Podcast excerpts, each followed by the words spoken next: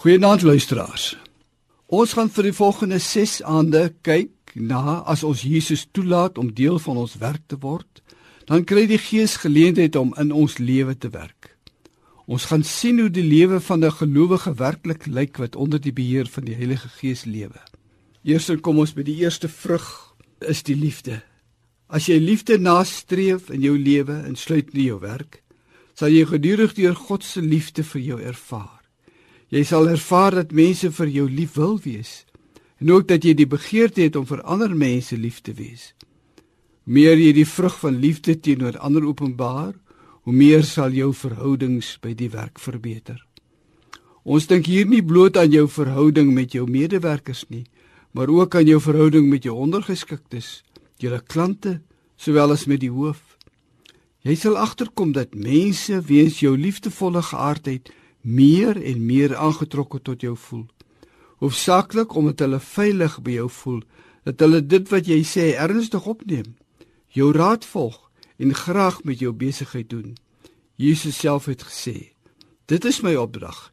Julle moet mekaar lief hê soos ek julle liefgehad het." In Johannes 15:12. Nou, hoe kan ons liefde teenoor die hoof bewys in die onderneming? Alle hoofde, alle bestuurders kan verwag dat hulle werknemers aan hulle lojaal moet wees, dat hulle hardwerkend moet wees en dat hulle liefde teenoor mekaar sowel as teenoor die hoof moet bewys. Lojaliteit teenoor die hoof word uiteindelik geopenbaar om die koffietafel wanneer 'n afbreekende aanval deur werknemers op sy karakter gemaak word en hy nie daar is om self te verdedig nie. Neem jy entoesiasties aan die moddergooiery deel en die volgende oomblik dan groet jy hom vriendelik met 'n glimlag?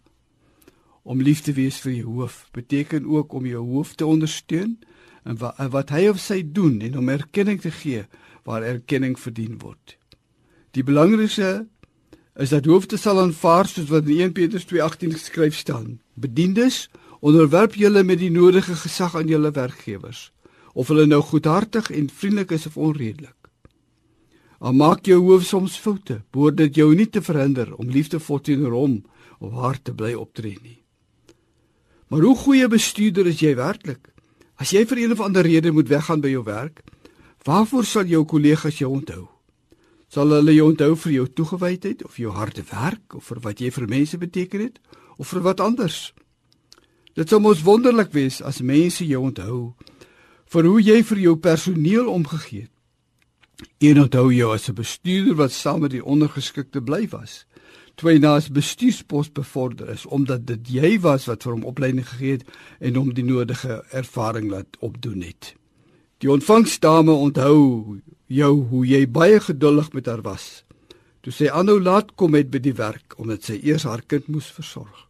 God gaan jou nie eendag vra hoe suksesvol jou besigheid was nie, maar hy vir jou vra, waar is die mense wat hier gewerk het? Het hulle geld gehad vir skoolfonds of geld om na die kliniek te gaan en dan het jy hulle van my vertel.